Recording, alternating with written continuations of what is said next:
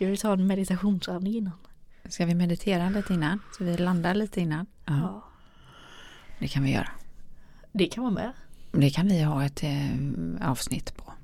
Ja. Göra meditation. Det hade varit bra. Mm. Hade jag, hade Jag brinner ju för det. igen. Ja. För att jag kan inget skit om det. Nej, då, då har vi ytterligare ett avsnitt där Ulrika går i monolog. Men nu är det jag som sköter monologen tror jag. Ja, för det ehm, så hej ska vi säga till alla först innan Ja, vi det- börjar kanske. det kan hej, man göra. hej och välkomna och Hej, hej. välkommen kul att eh, vi är här, eh, du och jag Milla.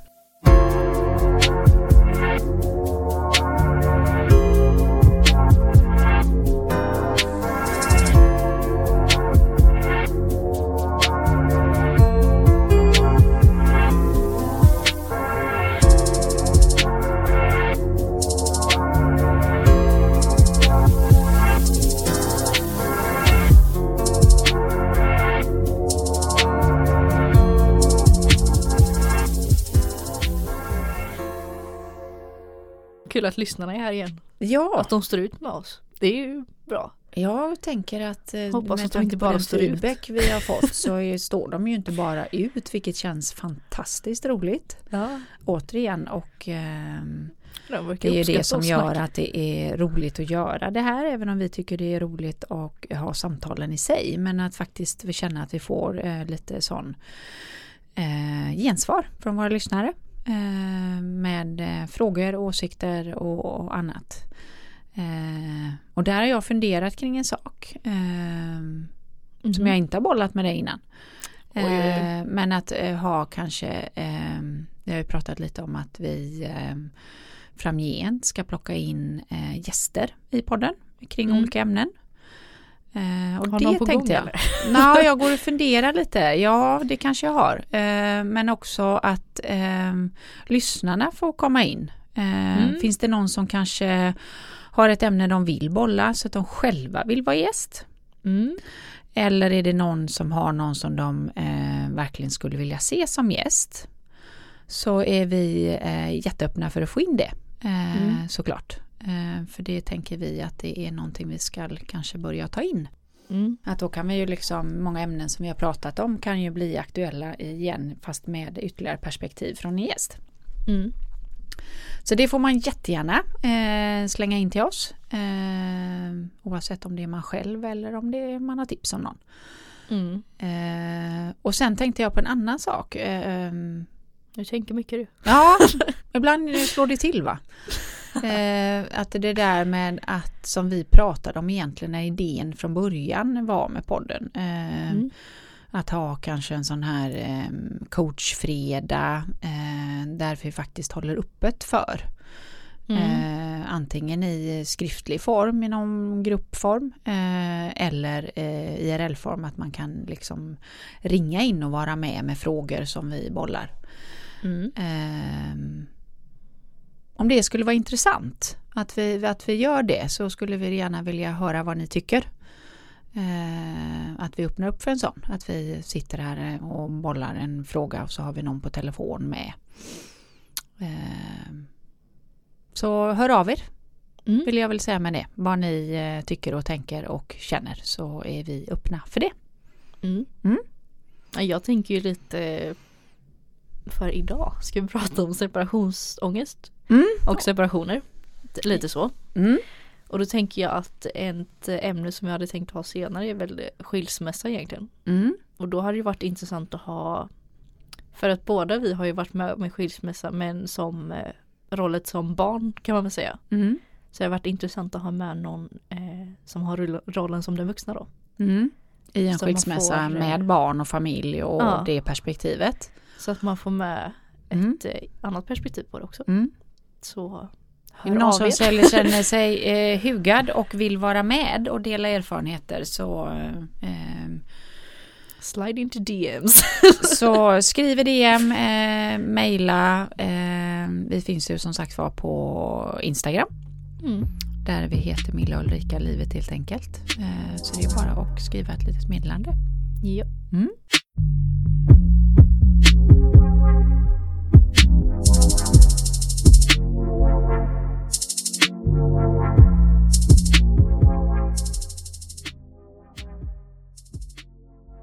Så idag då, eh, separation och separationsångest. Mm. Eh, kände du att du ville ha upp på ämnet idag? Och då tänker jag, nu blir jag jättenyfiken. Eh, ja, Mm. alltså har ju ganska mycket separationsångest själv. Mm. Alltså jag kan till och med tycka det är jobbigt att eh, avsluta telefonsamtal. Mhm. Ja, alltså det är ju ganska grovt skulle jag säga. Eller liksom. Mm. Men jag, ja, alltså jag vet ju var det kommer ifrån. Eller jag tror jag vet snarare. Och det är väl alltså så här att jag har blivit övergiven en del när jag var mindre. Mm. Eh, framförallt av min pappa då kanske, som jag nämnt lite tidigare. Att, ja, eh, en problematisk relation. Så. Mm. Och det har väl egentligen alltid varit. Eh, så att det var väl mycket så här att han, nu ska jag inte gå in för mycket på det här kanske för att det hade ju kunnat vara ett helt eget avsnitt. Men alltså så här man, men så här hade bara åker iväg, sagt att han ska komma hem eller så och inte gjort det den tiden eller att han bara åker iväg utan att säga någonting så vet man inte, kommer han hem nu eller ikväll eller om en timme så här. Och speciellt när man är barn är ju det jobbigt. För då har man inte det tidsperspektivet heller. Och man kanske inte fattar vad som har hänt ens och sådär.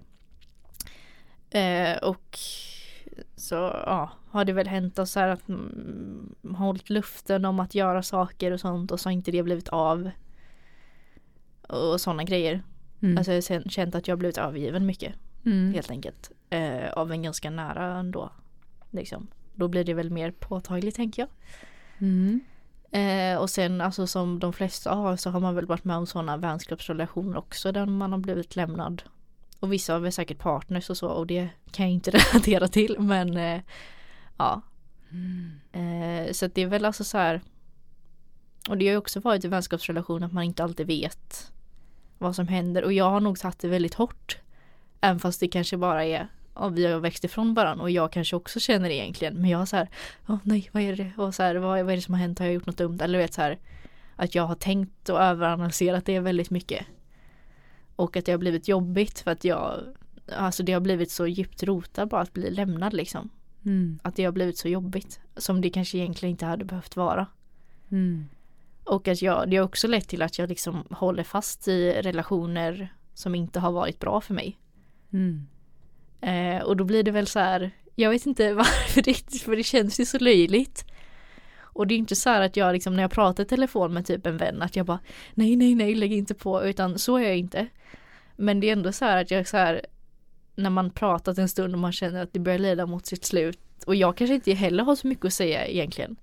Och jag är lite, lite halvtrött och vill egentligen göra något annat men jag tycker ändå det kan vara Alltså så här en liten liten klump i magen typ. Som Mm. så här oj nu ska vi skiljas åt eller så Mm. lägga på. Nu ska samtalet avslutas. Kommer inte Nu tänker jag inte så längre bara kommer vi aldrig höras mer eller sådär.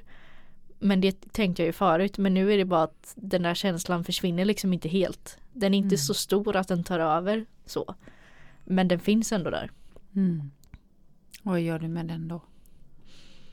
Ja men alltså för nu har jag ju ändå varit ganska länge och det är väl därför den har krympt så att säga.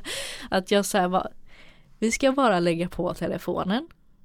Livet tar inte slut för det. Alltså vi kommer höras igen och liksom så här och liksom försöka vara lite logisk egentligen. Alltså så här Typ för om jag pratar med min mormor så tänker jag inte att hon kommer överge mig för att vi lägger på telefonen.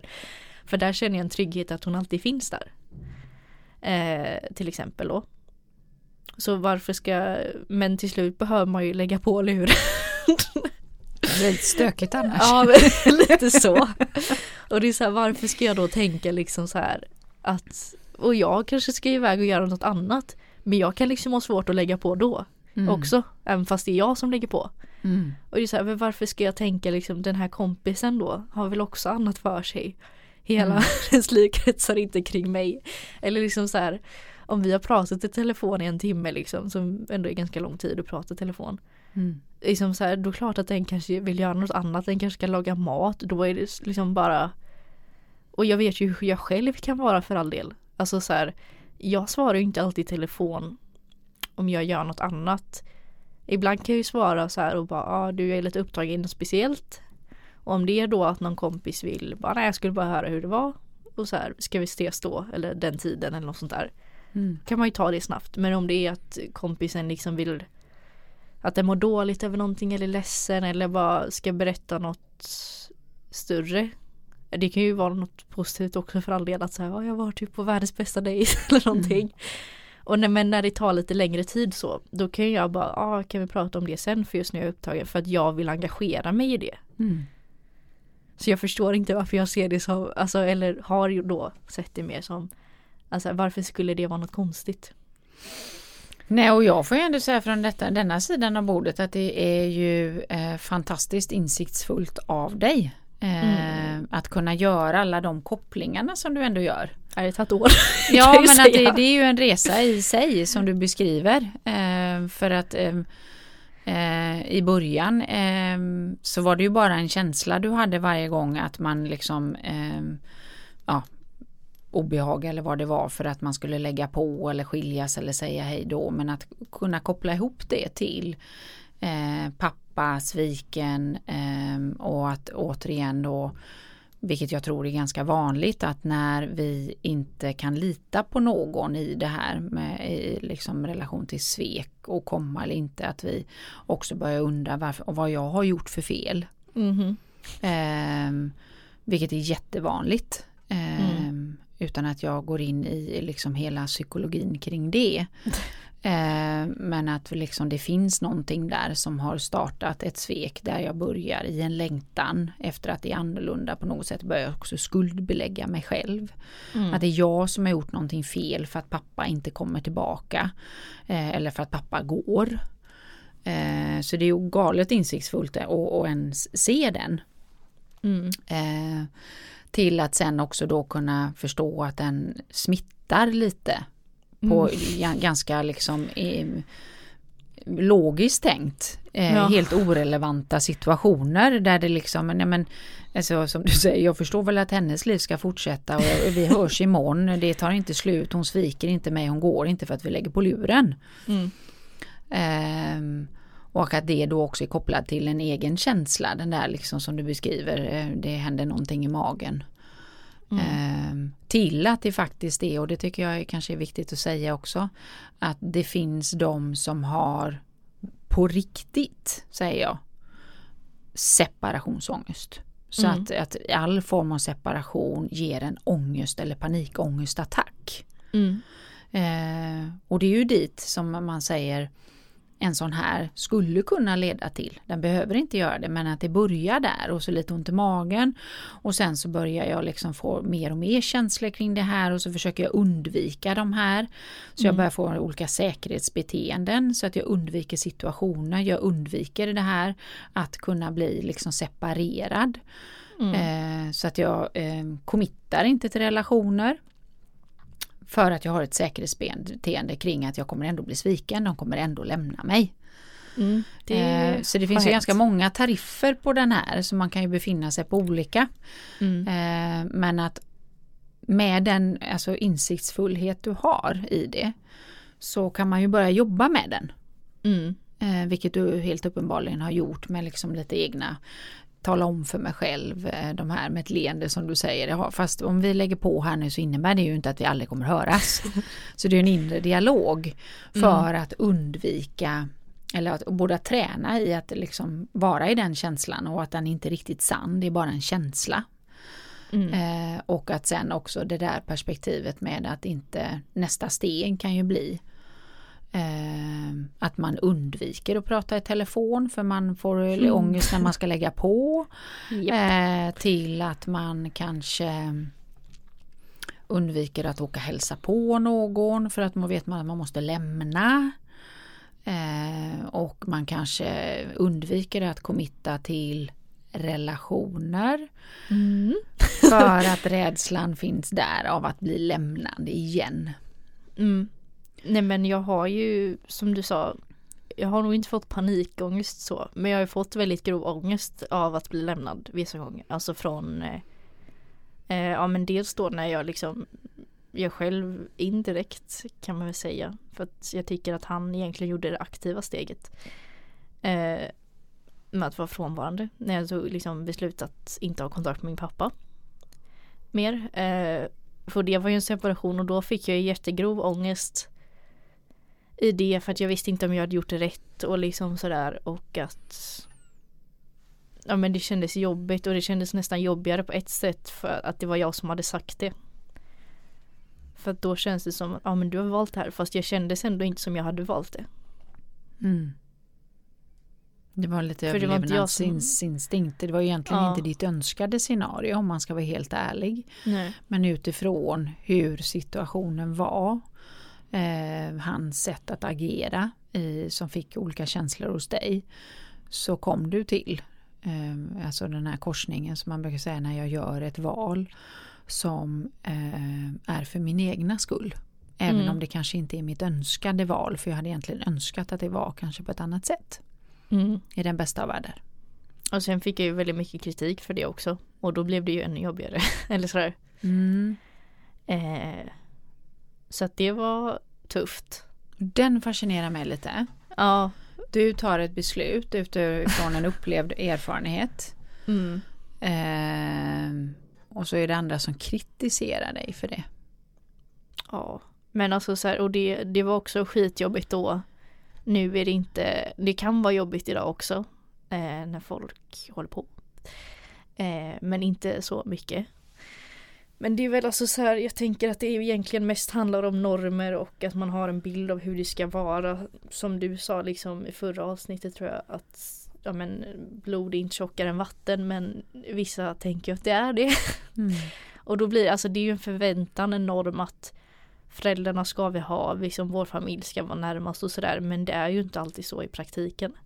Och jag tänkte ju också så och det var ju lite det som gjorde att det var så jobbigt att faktiskt ta det beslutet också. Mm. Det gick ju inte över en dag för mig Nej. utan det var ju en lång process men jag kanske inte hade pratat om det med de som kritiserade eller så hade jag gjort det men det skulle ta år att berätta exakt allt som hade hänt. Mm. Och eh, lite som vi pratade om i förra avsnittet, det här med förlåtelse, en ursäkt eller ett förlåt hade jag inte fått och då kändes det ännu svårare att liksom, ja, fortsätta liksom försöka bygga upp någon relation eller sådär och då Mm. valde jag en separation istället. Mm. Även fast det var jobbigt. Men det, hade, det kändes som att det hade varit ännu jobbigare att fortsätta. Mm.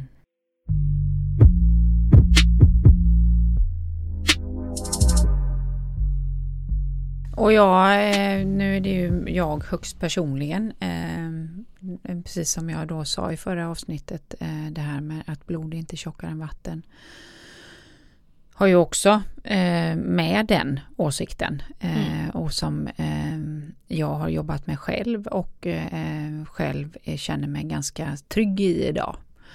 Eh, men att jag givetvis väldigt ofta får åsikter om den också. Och då kan jag fascineras utifrån två perspektiv. Eh, det ena lite precis som du säger. Eh, om jag inte har bett om någon annans råd eller Mm. åsikt så tycker jag det är fascinerande av att de tar sig rätten att ge mig den. Mm. Eh, och framförallt om de gör det utifrån att de egentligen inte är, har hela kartan med information. Nej. Utan de gör det utifrån sitt perspektiv, sitt sätt att se på världen, vad som pågår i deras liv, så det blir en projicering. Mm. Eh, och där försöker jag ju personligen själv jobba hela tiden med att eh, försöka perspektivskifta eh, och inte vara sån. Sen faller vi nog alla dit ibland, kanske att vi gör det. Men att eh, inte ge åsikter och saker om saker som jag faktiskt inte har hela informationen om. Utan eh, mer i de fallen fråga, vill du att jag ska säga vad jag tycker? Mm. Och har du frågat mig, ja men då säger jag vad jag tycker. Men jag säger inte det utifrån att det är facit. Utan Nej. det är hur jag känner utifrån den information jag fått. Mm. Eh, och det här med relationer, separationer och val i det. Där finns det ju, precis som du säger, väldigt mycket normer. Mm. Eh, men jag lever lite efter devisen att eh, jag vill omge med mig med människor där vi lyfter och höjer varandra och där det finns en växelvis. Och är det en som jag känner skadar mig på olika sätt som du upplever i relationen Mm. med din eh, pappa eh, och att det är, inte finns någon öppning för förändring, eh, det finns ingen öppning för förståelse eller att be om ursäkt. Då hamnar vi ju lite i det som vi var inne på i förra poddavsnittet, att då får jag ju ställa mig upp och ta ställning hur jag vill att det här ska vara med den här relationen i mitt liv. Och så Mm. sätta ner foten och säga att nej, den här relationen vill jag inte ha. Mm. Eh, Jag har försökt, eh, jag har provat eh, och det ger inget resultat. Då gör jag ett val oavsett om det är en familjerelation, vänskapsrelation, kärleksrelation. Mm. Ehm, Det var väl lite det jag försökte säga med. Eh, för jag var så här, jag var, om det hade varit liksom en kille jag hade dejtat eller någonting som hade gjort liksom bara en av de här sakerna så hade folk bara Nej men gud då släpp honom direkt och spring därifrån eller, så här, dra till, eller be honom dra åt helvete, alltså typ så. mm, Men bara för att det är han har titeln pappa mm, så är det inte så. Och det är Mm. så här Då är det liksom också så här att Ja men det kanske är något som ligger till grunden för det och han kanske brottas med jobbiga saker och mm, allt det där. Och Mm. så kan det absolut vara och det är väl ganska troligt att det är så. Tänker jag. mm, Eh, absolut. eh, men jag har inte lust att ta ansvar för det. För att jag är fortfarande barnet i den här situationen. Mm, Och då känner inte jag att jag ska liksom behöva ta det ansvaret. Utan det får han göra själv i så Mm. fall. Mm, Och så kan väl han komma tillbaks när han har gjort det om han nu vill eller sådär och om jag känner mig att jag vill det då. mm, Men just då kände jag bara att nej jag har faktiskt försökt så mycket jag kan. Jag har försökt under en längre tid. Och liksom så här, och det är inte mitt ansvar. mm. Och det var jättejobbigt att komma fram till det. Och det blir Såklart. ännu jobbigare när man får kritik för det. Men eh, ja, det var väl det jag får landa i och det tog väldigt lång tid. Mm, Och det tog väldigt lång tid innan jag mådde bra efter det. mm. Såklart.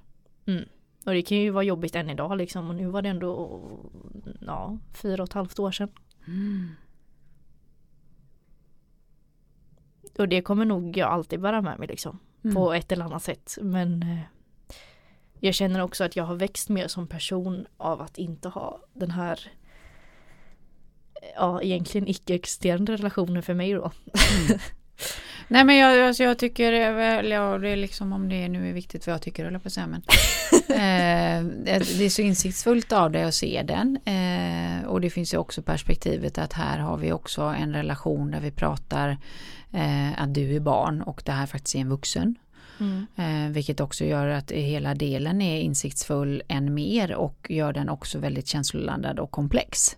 Mm. Eh, för att det finns liksom så mycket normer och sätt att se på det här. Och, och, men jag brukar säga att det kan ju inte vara en sida att vara förstående.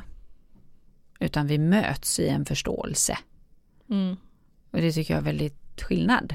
Mm. För att det kan inte bara vara jag som ska förstå Nej. dig hela tiden och så ska jag gå och må dåligt för någonting som jag upplever att du kanske projicerar på mig eller inte tar ansvar för. Då väljer jag att ta ansvar för mig. Mm. Eh, och att den här relationen är inte sund för mig. Så då väljer jag. Sen skulle jag ju vilja leka med tanken. Eh, vi behöver inte gå in i den, men eh, vis av eh, förra avsnittets ämne. Att nästa steg för dig i den Ja. Med all respekt för att det är en process, är ju att komma till förlåtelsen. Mm. För när den har kommit där, eh, då tror inte jag att du är lika känslig för andras tyckande. Då släpper den helt. Mm. Och det är väl lite det som har kommit på senare, eller så här om jag verkligen har förlåtit det, för jag har tänkt ofta att jag har det. Mm. Men sen, men det kan väl vara att man går på det lite för hårt också. För det var väl några ganska nära anhöriga då. Som ja, började så här ifrågasätta det och ja, när ska du ta kontakt med din pappa igen och sådär. Och jag bara, jag vet inte om jag någonsin kommer göra det. Jag kanske kommer vilja göra det senare men just nu så känner jag bara att jag verkligen inte vill ta i det. Mm.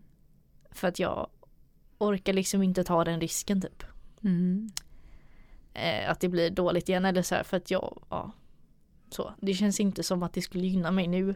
Och jag sa också så här, alltså jag är ändå så här, för att förut från början var jag så här, kommer aldrig någonsin träffa honom igen eller ha någonting liksom så. Mm. Men nu har jag ändå landat i att ja, men när jag får barn eller så, om jag får barn, då kanske jag liksom vill att de ska ha en morfar. Mm. Vad vet jag? Då kanske jag känner annorlunda och det kanske funkar eller bara vad det nu kan vara liksom. Mm. Men jag tänker det är ju väl en sån milstolpe i livet som kan förändra saker. Mm. Och då kanske jag känner annorlunda men just nu gör jag verkligen inte det. Mm. Nej, och den, den tycker jag ju att den behöver ju inte andra ha någon åsikt om. Nej. Tänker jag och så krymper jag ihop här bakom. Så bara känner att, men så varför ska alla ha en åsikt om den? Ja. Eh, man kan ju bidra till att inspirera för hur du ska kunna må bra i den eh, Mm. utifrån ditt. Mm. Men inte utifrån en norm att du bör ha kontakt med din pappa för att det är din pappa. Mm. Då blir det liksom lite galen infallsvinkel för mig.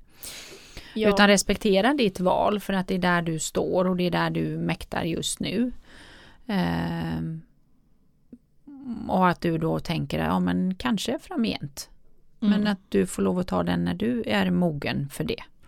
Mm. Men att kanske ibland brukar jag säga att ta hjälp i att eh, ventilera och prata om den där så att den inte bara blir utifrån ilska, eh, bitterhet och vrede som vi lite återigen var inne på förra avsnittet för att då går den ju och käkar på dig. Mm. Eh, men jag kan vara i olika mentala delprocesser i en förlåtelse.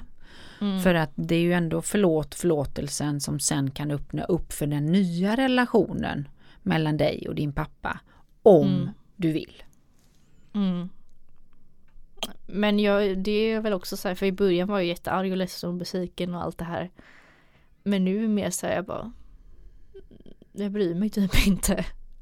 Eller så här, jag bara, jaha. Mm. Men det är, så här, det är också lite läskigt för att jag har typ Som du sa, som han inte ska göra Förträngt mycket. Mm. Och När det jag tänker- gör man. Ja, och när jag tänker på min barndom så kommer jag liksom inte ens ihåg att han har varit där typ. Mm. Och det är lite obehagligt faktiskt om jag ska vara ärlig. Mm. För att det är så här, man bara okej men hur kan du liksom inte komma ihåg det? Mm. Alltså jag kommer ihåg saker med min mamma som jag upplevt och jag vet att han har varit där. Men jag kommer Mm. inte ihåg det. Alltså jag kan inte ha något minne om någonting han har sagt eller gjort eller så. Mm. Och det är som sagt ganska obehagligt att ha det så. Mm.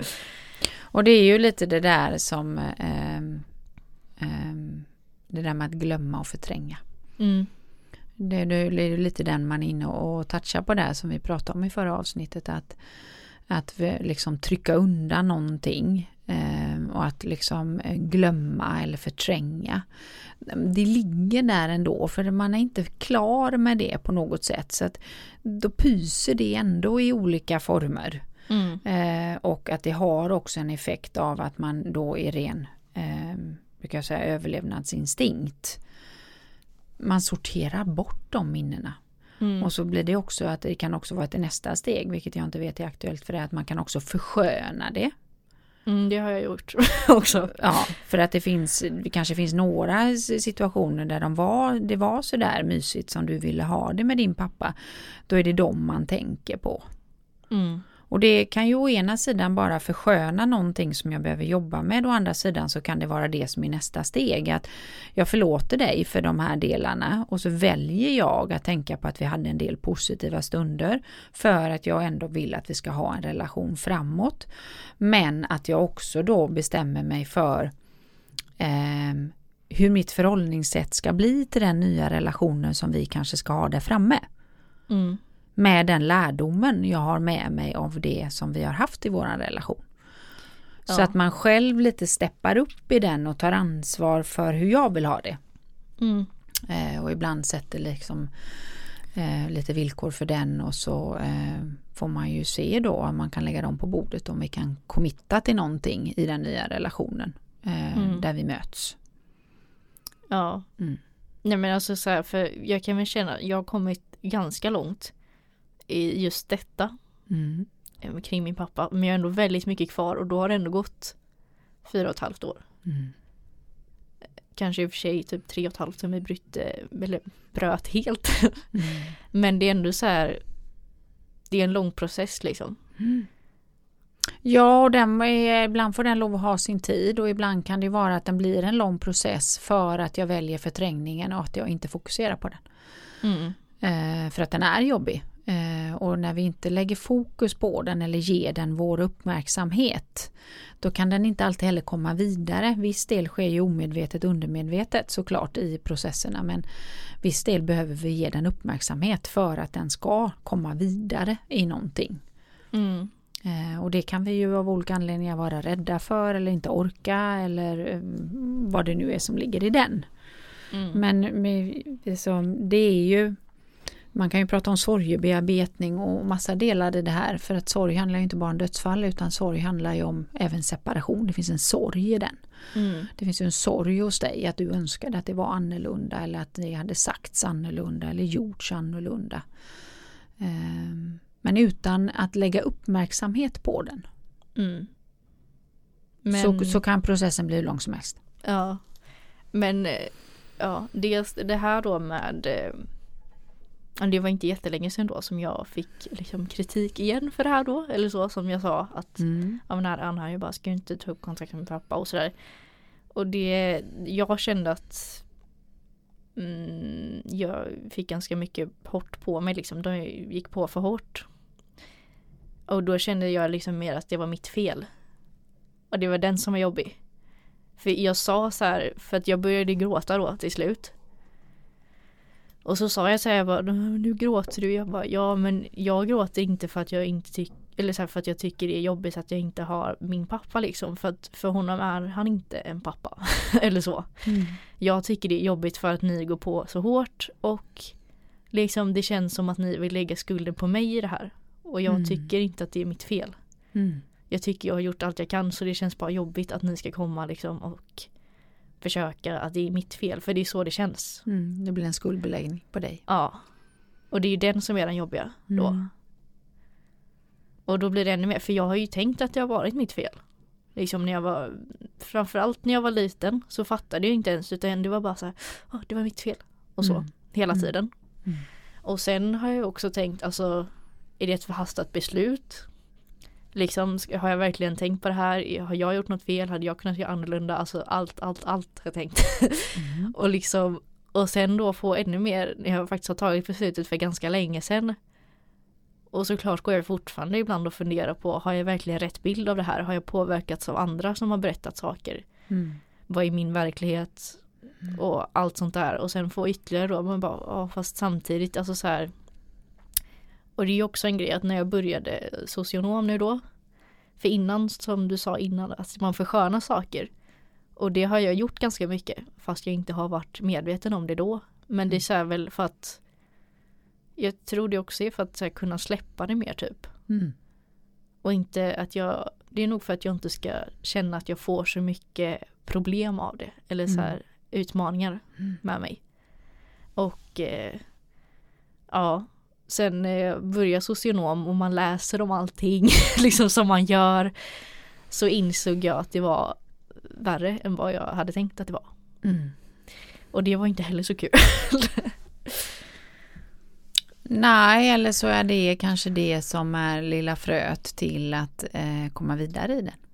jo, det var det väl också. För att då kände jag, okej jag har faktiskt inte gjort fel.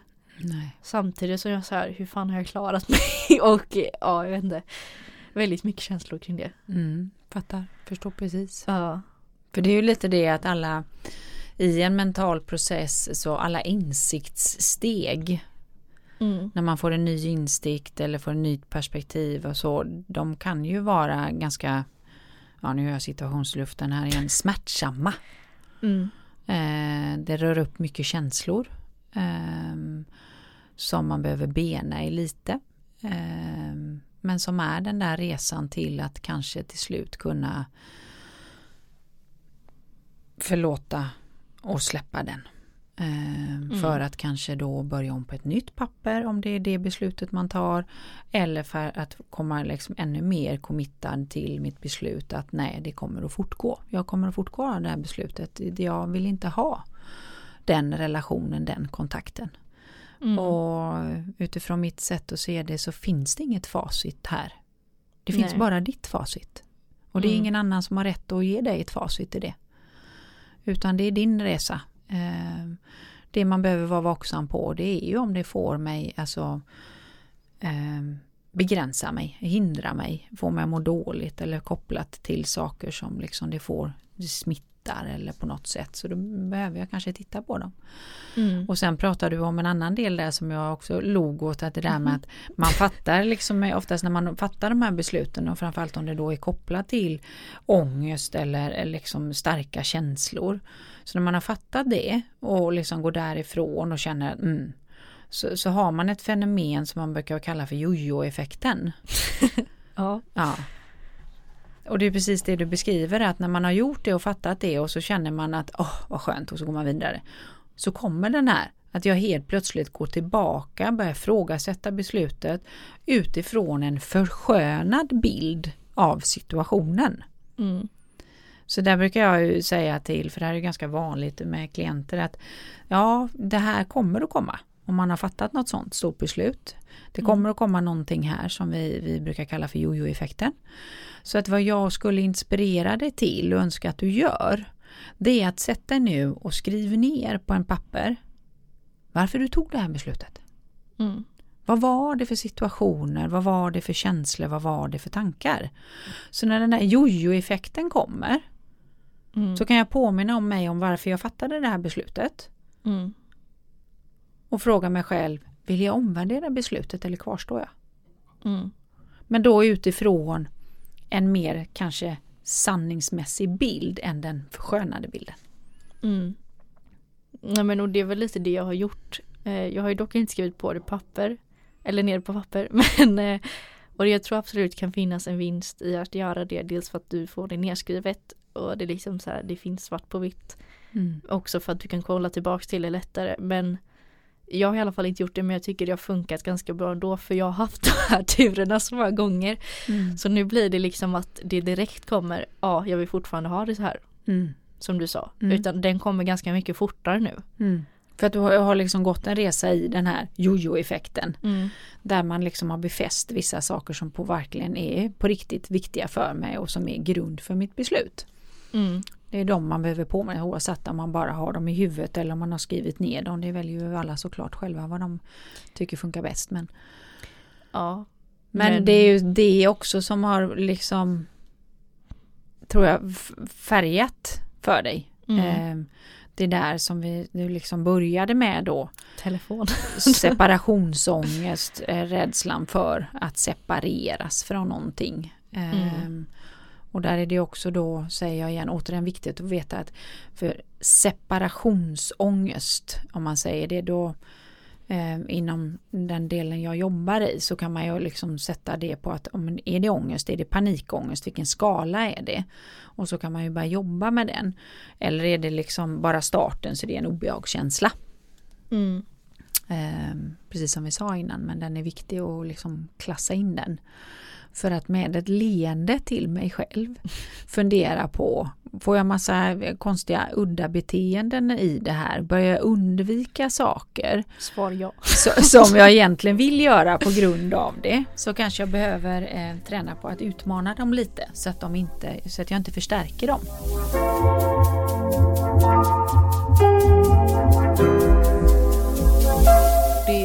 Verkligen påverkat mig i andra situationer också. Dels då med vänskapsrelationer som jag sa. Men det känns ju som något jag har tränat på. En, eller så här vänskapsrelationer har jag ändå haft hela livet. Så det är inte lika läskigt. Mm. Men det här med typ eh, dating, förhållande, sånt relationer har ju gått åt helvete. Mm. Och där är det ju liksom ett För att jag eh, dejtade ju en kille första gången typ när jag var 17. Och eh, alltså vi tyckte om varandra och sådär men sen på grund av lite olika omständigheter som jag kanske inte ska dra upp med respekt mot honom då. men så blev det liksom ingenting mer. Eh, och jag tog det jätte jättehårt. Alltså jättehårt. Där snackar vi att man grät i typ månader och jag kunde verkligen inte släppa det och Alltså det var ju egentligen inte så här hur jag hade varit heller. Eller hur han hade varit. Utan det var bara så här att, och det var väl inte riktigt mitt beslut heller utan det var ju hans. Men då var det liksom jobbigt. För att så här, vad ska jag säga? Vad försöker jag komma ens? Nej men alltså så här, det var ju en separation som var jobbigt för dels att det var liksom första gången jag liksom typ var intresserad eller så av någon. Och att det här med min pappa var väldigt nyligen då. Också. Det hade inte ens gått ett år tror jag. Ehm, och Ja men så, alltså, jag tog det jättehårt och började så här, vad, vad har jag gjort? Var det det här? Och det så liksom försökte tänka på allting han hade sagt. Eh, I och med att vi liksom var lite inne på då att bygga förhållande eller se om det kunde bli något med det. Så hade man ju pratat lite om vad man såg i ett förhållande och sådär kanske. Eh, och han tyckte väl att jag var lite men typ hade svårt att öppna upp mig och så här ta till och visa att jag var intresserad överhuvudtaget. Han visste typ inte, han sa liksom långt efter att ah, jag fattade inte ens att du var intresserad förrän efteråt. och sådär. Nej. Så att det var ju också som du sa att man får bli rädd och liksom gå in i sådana relationer. Mm. Eh, men framförallt, och det var ju lite för att dels för att jag aldrig hade gjort det innan. Mm. Men också för att jag liksom var rädd att bli övergiven av honom. Mm. Och sen blev jag ju det också. Mm. och då var det ju extra jobbigt. Mm. Och det är precis det där som är så när det börjar smitta. Eh, och att där i de lägena liksom börja leka lite med tanken att det är inte samma personer. Det där var då och det här är nu. Mm. Eh, men i, i liksom ens känslospektra och hjärnan så blir det här egentligen liksom lite samma sak. Mm. Att det är en relation och relationer då oavsett pappa eller eh, liksom kärleksrelation så, så blandar vi ihop dem. Mm. Och så blir liksom historien blir ett hinder för min framtid. Mm. Eh, för att jag lägger dem i samma skål. Och att de egentligen inte har överhuvudtaget med varandra att göra. Men känslomässigt för dig är de samma. Mm. För de påminner ju om samma sak så det väcker ju samma delar i dig. Och så får man ett, ett, ett mönster i det, att man liksom antingen då blir rädd och värnar om sig. Så att man eh, har svårare att släppa in. För jag vill ju inte att det ska hända igen. Mm. Men det här är ju inte samma person. Nej. Det här är inte samma situation. Nej. Nej, och det, det kan man ju veta rent logiskt. Men känslomässigt är det ändå så man gör. Ja. Eh, Gud ja. och det, den kan vi återigen alla känna igen i olika situationer att det är så. Men att där då återigen börja träna sig och påminna mig om vad det handlar om egentligen. Mm. Det handlar om den här gamla historien som då kanske de vi leker med tanken är då kopplad till din pappa. Mm. Eh, att där liksom har jag tillitsbrott och jag öppnade upp och jag blev sviken och jag blev lämnad. Så då tänker jag att alla känslor eller känslosamma relationer där det liksom riktigt berör mig. Då kommer det att repeteras och kommer bli samma sak. Och så mm. börjar jag bygga de här cementerade murarna runt mig. För att skydda mig mot det. Men mm. att där då påminna mig om att eh, det där var pappa, det var min historia. Här har vi, nu tar vi Kalle igen. Här har vi Kalle. eh, och det är en annan person. Mm. Och att eh, inte låta min historia bli hinder för min framtid genom att påminna mig om att det här mm. är annorlunda. Mm. Nej men och jag, alltså jag tycker det är så pinsamt. Eller liksom för att jag var ju liksom väldigt klängig på honom efter det då. För att jag ville ju verkligen inte bli, alltså vara med om separation igen då. Mm. Så jag försökte ju hålla fast i honom. Och då blir man ju lite till slut irriterad kanske. mm. Kan jag förstå att han blir, eller jag, alltså så här, och jag, alltså, så här, jag blir bara så trött på mig själv, varför håller du på? Ja och framförallt, blev han det eller var det din tolkning av att han blev det eller? Alltså jag tror han blev det till slut. Och typ så här, alltså det måste ju varit jobbigt för han tyckte väl fortfarande om mig som person typ och att jag var bra men det var Ja, det var väldigt jobbigt tycker jag jag hade inte orkat med mig själv kan jag säga så här i efterhand liksom. Nej, och, mm, det, det, vet jag ju inte. Ehm, och jag vet, men vad tyckte han och vad var du egentligen det eller var det din upplevelse? Alltså Kan det, kan det vara din upplevelse för att du helt plötsligt började visa vad du tyckte och innan hade du inte visat någonting så det är din upplevelse av att då blir jag klängig. Eh, Eh, eller var ja. du på riktigt klängig? Jag var det har klängig. Det var ingen aning. Ja, klängig. Okej, Ja. okej. Nej men alltså så här, i början tyckte han väl, han förstod väl typ och tyckte det var okej och så här. Han bara, "Ja." och var lite så att det så här till slut då i efterhand visar vad jag kände. Mm. Men sen gick det ju alldeles för långt. Liksom. Så att då tyckte han väl att det blev jobbigt istället. Mm. Eh, och sen blev Han jag... fick sig en stalker. Ja men nej. men ja, inte allt för långt ifrån sen. Eller jag vet inte, alltså det var bara konstigt liksom. Jag vet Mm. inte vad jag höll på med. Mm. Men alltså ja, det var bara jättejobbig. Eh, ja, som sagt jag skäms väldigt mycket över det här. Så har, du beep med, om du lyssnar på det här. Har du pratat med honom om det här? jag har gjort det. Ja. Men det, ja. Jag skäms fortfarande för det ändå. Ja, men ni Ja. har ändå en, någon form av liksom vänskapsrelation idag så att det liksom, eller du har Typ. pratat med honom. Fast jag är ju fortfarande jättejobbig. Nej, så är du ju fortfarande jobbig. Ja, men jag Ja. vet inte, men det var, vi har väl svårt att prata. Ja. Så det brukar inte bli så bra, men ja. Så då Jag tänker jag, det när är ska du förlåta jobbigt. dig själv för det så du kan Ja. släppa det då? Jag vet, jag tror han har förlåtit det mer än vad jag har gjort. Och det är Ja. liksom det som är problemet. Ja.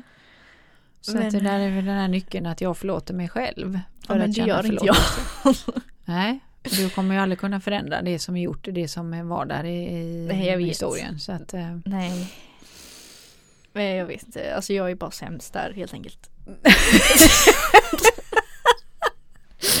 jag var sämst där helt enkelt. Ja, Okej. Nej men jag vet alltså just det, Ja. det är också så här du, Den relationen med honom vet jag fan om den någonsin kommer bli bra för att jag har så krånglat till det för mycket tror jag. Ja. Han också, tycker jag. men kanske lite för mycket jag. ja. Ja. Vad vill du göra med det då? Nej. Nej, det får nog inte bli så mycket av den. Eller så får vi typ höra om två år eller något. Ja, Okej, du ska låta den bara få svalna lite helt enkelt. Ja. Allt som är där i. Mm. Man ska inte ta på elden när den är glödhet liksom. Det bränner man sig. Ja, okej. Ja. Mm. Kasta vatten på den säger jag. Nej. Eh, Jag vet faktiskt inte vad jag snackar om nu om jag ska vara ärlig. Men- Nej, jag, jag tänker bara att du kan ta med dig lärda erfarenheter för hur eh, det här med då som du eh, vi synd om pratar om idag med separation och separationsångest och att ehm, hur saker eh, kan smitta. Eh, och att ehm, du ändå i det här har en hög insikt om vad det är eh, och hur det tar sig uttryck. Så då tänker jag att nästa steg skulle kunna göra okej vad vill jag göra med det? För att kanske då få en annorlunda resa och en annorlunda känsla och hur kan jag träna och jobba med det. För separationer och separationsångest det kan vi nog alla känna igen eh, i någon form. Eh, och det run- grundar ju sig oftast i antingen någon form av eh, erfarenhet och en rädsla för någonting. Ja. Man målar någon form av scenario, medvetet eller omedvetet, om att eh, det här hejdået ska vara någonting eller att det här ska vara samma som det har varit innan eller whatever som ligger i den. Eh, Mm. mm. Nej men ja. Ja just, just den här relationen med honom där känner jag bara att jag ska låta pöjken vara. Du, du släpper taget lite. ja men han får för fan återhämta sig lite innan jag ska komma där igen. Ja, herregud. Nej Ja. men jag vet inte riktigt varför men det har inte bara blivit bra. Alltså så här, jag kan inte bete mig typ. Mm. Känns det som. Mm. Och då har jag ju egentligen lust att ställa massa frågor i det Ja. men jag vet inte om du vill av eh, integritet och annat eh, prata om det. Men eh, så, Nej jag fattar inte själv. Jag bara Vad- känner att jag ska släppa det där nu. ja vad är det som gör att du inte släpper det? Ja nej men jag har du inte. känslor för honom fortfarande? Nej det har jag ju inte. Det är Nej, det som är grejen. Jag fattar liksom inte vad är problemet. då tycker jag Milla ska gå hem och fundera på det. Så för då kanske det svaret ligger där så du kan släppa den. Jag, ja, det är nog bara att jag är väldigt dålig på att släppa saker. Ja, Och för att han har sårat mig så kan jag liksom aldrig släppa det. Jag vet. Nu är vi Nu tillbaka är på det vi pratade här. No, nej, men nu pratar vi om det igen som vi pratade om förra avsnittet. Ja men nu är det liksom eh, inte nu, ett nu, har någon, nu, nu är det två. nu har han sårat mig så att, och då är jag jättedålig på att släppa det. Så att, eh, Men jag har ju sårat jag honom också så att han borde ju liksom han, ja, han ja fast det kan ju han få ta ansvar för sin förlåtelsesträcka i den. Eh, men menar, och, om han har förlåtit mig varför kan inte jag förlåta honom då? Alltså jag fattar inte mig själv. nej men det var ju lite det vi pratade om förra avsnittet. Att eh, det där med att kunna eh, säga jag förlåter dig och känna förlåtelse för att sluta älta och komma vidare. För det begränsar. Ja. Ja, Ja. Så ja. jag säger det, jag har problem. Nej, problem vet jag inte. Jag tycker det känns som att det är rätt eh, vanliga mänskliga situationer, tänker jag. Ja men det är ju jobbigt att vara mänsklig. Tänker jag. Ja, det är väl lite det som är tanken med hela våran podd. Det är ju livet helt enkelt och att livet består av eh, eh, eh, det är komplext. Utmaningar. Och det är utmaningar och det är smärta och det är massa olika delar i det. ja, Men att vi inte är så olika i det. ja. Så nu vågar jag inte dejta heller längre. Så att ni som tänker tanken, tänk inte tanken. Nej, så nu, har hon, nu struntar hon i dejta också. Ja, Japp, mm. för att då liksom hamnar jag inte i den separationen i alla fall. Nej. Och sen då om jag faktiskt har försökt dejta någon Mm. Så drar jag innan de ens har hunnit säga något om saken. Mm. Typ för att Mm. eh, då är det ju jag som gör det tänker jag. Mm. Och så behöver det inte bli någon separation för då hinner jag inte ens påbörja någonting. Mm. Väldigt bekvämt. Mm. Väldigt idiotiskt också faktiskt skulle jag säga. Ja, det beror ju på säger jag. För att har du, är det en önskan, längtan av att ha en relation just nu i ditt liv så ja, då blir det ju lite begränsande. Eh, att tänka och göra så. Eh, Mm. Men är ditt syfte ändå att just nu känna dig rätt okej med att vara singel. Eh, då kan jag ju med ett leende och med insikt om att jag fattar varför jag gör det. Mm. Men just nu kan det få lov att kännas okej att göra det för att jag vill inte ha någon relation just nu. Men att Ja. vara sann i det. Vad, är det så att jag inte vill ha en relation eller är det att jag använder det som ursäkt? För att slippa ta tag i det andra. Ja, det alltså- kan ju vara två sidor på den tänker jag. Ja det är ju lite det. Alltså, så här, jag är ganska bekväm med att vara singel men det är ju lite för att jag inte vill Alltså om vi säger så här Kom ihåg när man var liten och blåste såpbubblor Mm, så lyckades få till en sån här riktigt stor och fin såpbubbla. mm, Om någon liten jävel då kom och spräckte den mm, då blir man ju väldigt ledsen. mm, Tänk då att jag sitter i den här lilla såpbubblan mm. Så ska någon komma och spräcka den för att den får inte plats där också. I den Mm. såpbubblan för den är ju bara anpassad för att jag ska få plats där. Mm, Så då måste vi göra en större såpbubbla tillsammans. mm, Och det kan ta några försök. mm, För det är sällan man får till en sån här riktigt bra såpbubbla. mm. Flummigheten själv.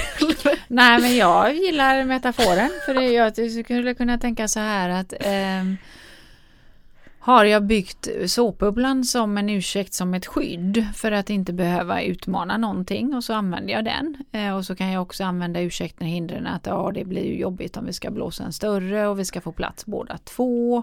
Mm. Ehm, Men så tänker jag så här också. Den jävligt stora såpbubblan sen, den är ju väldigt cool. mm, Ja. mm, Så det finns ju en vinst med den också. Och då kan man ju älta de här om, om utifall att det inte är större, mindre såpbubbla och så lugnar det ändå ner i samma. Vill jag eller vill jag inte?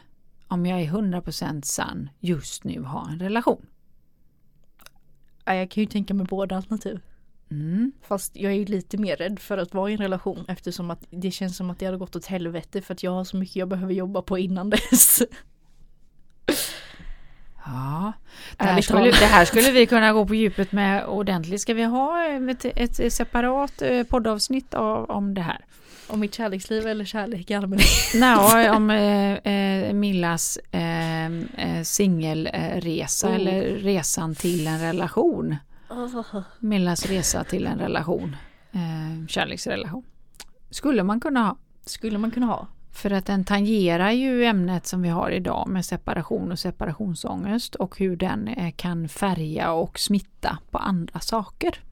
Mm -hmm. ja. Sen så får du välja om du vill snacka mer om det eller inte.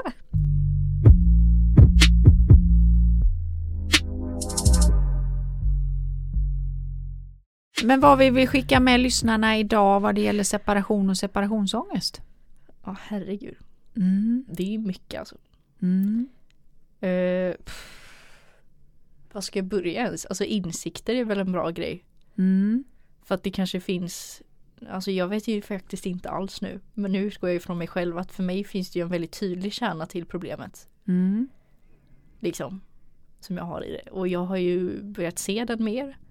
Jag är inte klar men jag är på god väg. Mm.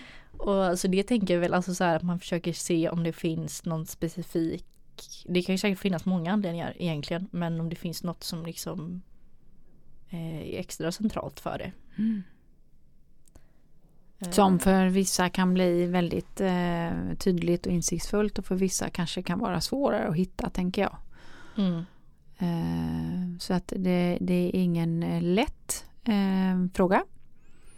Men att eh, precis som du så klokt, du har ju landat i en insikt kring att jag tror att det handlar om det här och det är ju liksom egentligen första steget.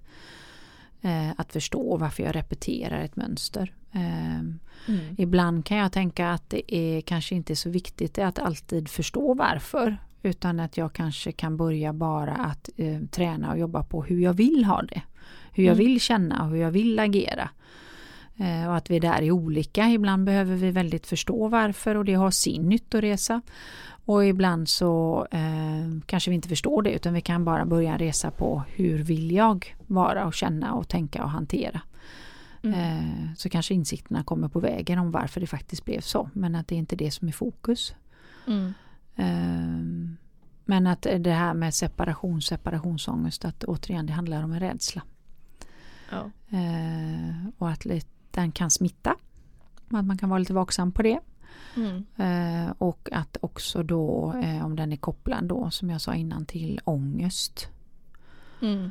Eh, att även ångesten kan föda då utifrån rädslan att få den där ångestkänslan. Att man börjar undvika den känslan genom att undvika olika forum, situationer, relationer. Att den kan smitta lite. Mm. Så att, att bara börja fundera på vad befinner sig, om det finns någon lyssnare som sitter i det här och känner igen sig, att bara börja fundera kring de här termerna. Eh, skulle jag vilja annorlunda? Vad kan det bero på? Smittar den? Vad har jag för känslor? Och så bara börja bena i det i alla fall. Antingen med sig själv eller med någon vän eller om man går och pratar med någon, tänker jag. Mm. Mm. Så tänker jag att vi återigen var inne på ett ämne som många kan känna igen sig. Eh, Ja. och ehm, Nu var det min tur att ha en monolog. nu var det Milla monolog denna gången. Jag tycker det är kul att vi eh, växlar lite och att det får bli som det blir helt enkelt. Ja. Eh, så återigen hoppas att det gav er lyssnare någonting. Eh, vårat eh, brullande runt i ämnet. Eh, och precis som vi började, jättegärna om ni eh, kommer tillbaka till oss vad det gäller eh, frågor i om- ämnen eller vill jag vara med som gäst eller vill jag ehm, vad ni tycker om det idén att kunna ringa in eller att vi öppnar upp något forum på något annat sätt där man kan ställa frågor och vi kan eh, samtala kring. Så hade vi tyckt det var jättekul. Mm. Så det längtar vi efter. Ja, verkligen. Instagram, DM är den lättaste kontakten in. Ja. Så får ni ha en fin vecka och Milla får ha en fin vecka. Nej men tack detsamma. Ja, så hörs vi snart igen. Ja det gör vi. Ha det gott. Hej då. Hej!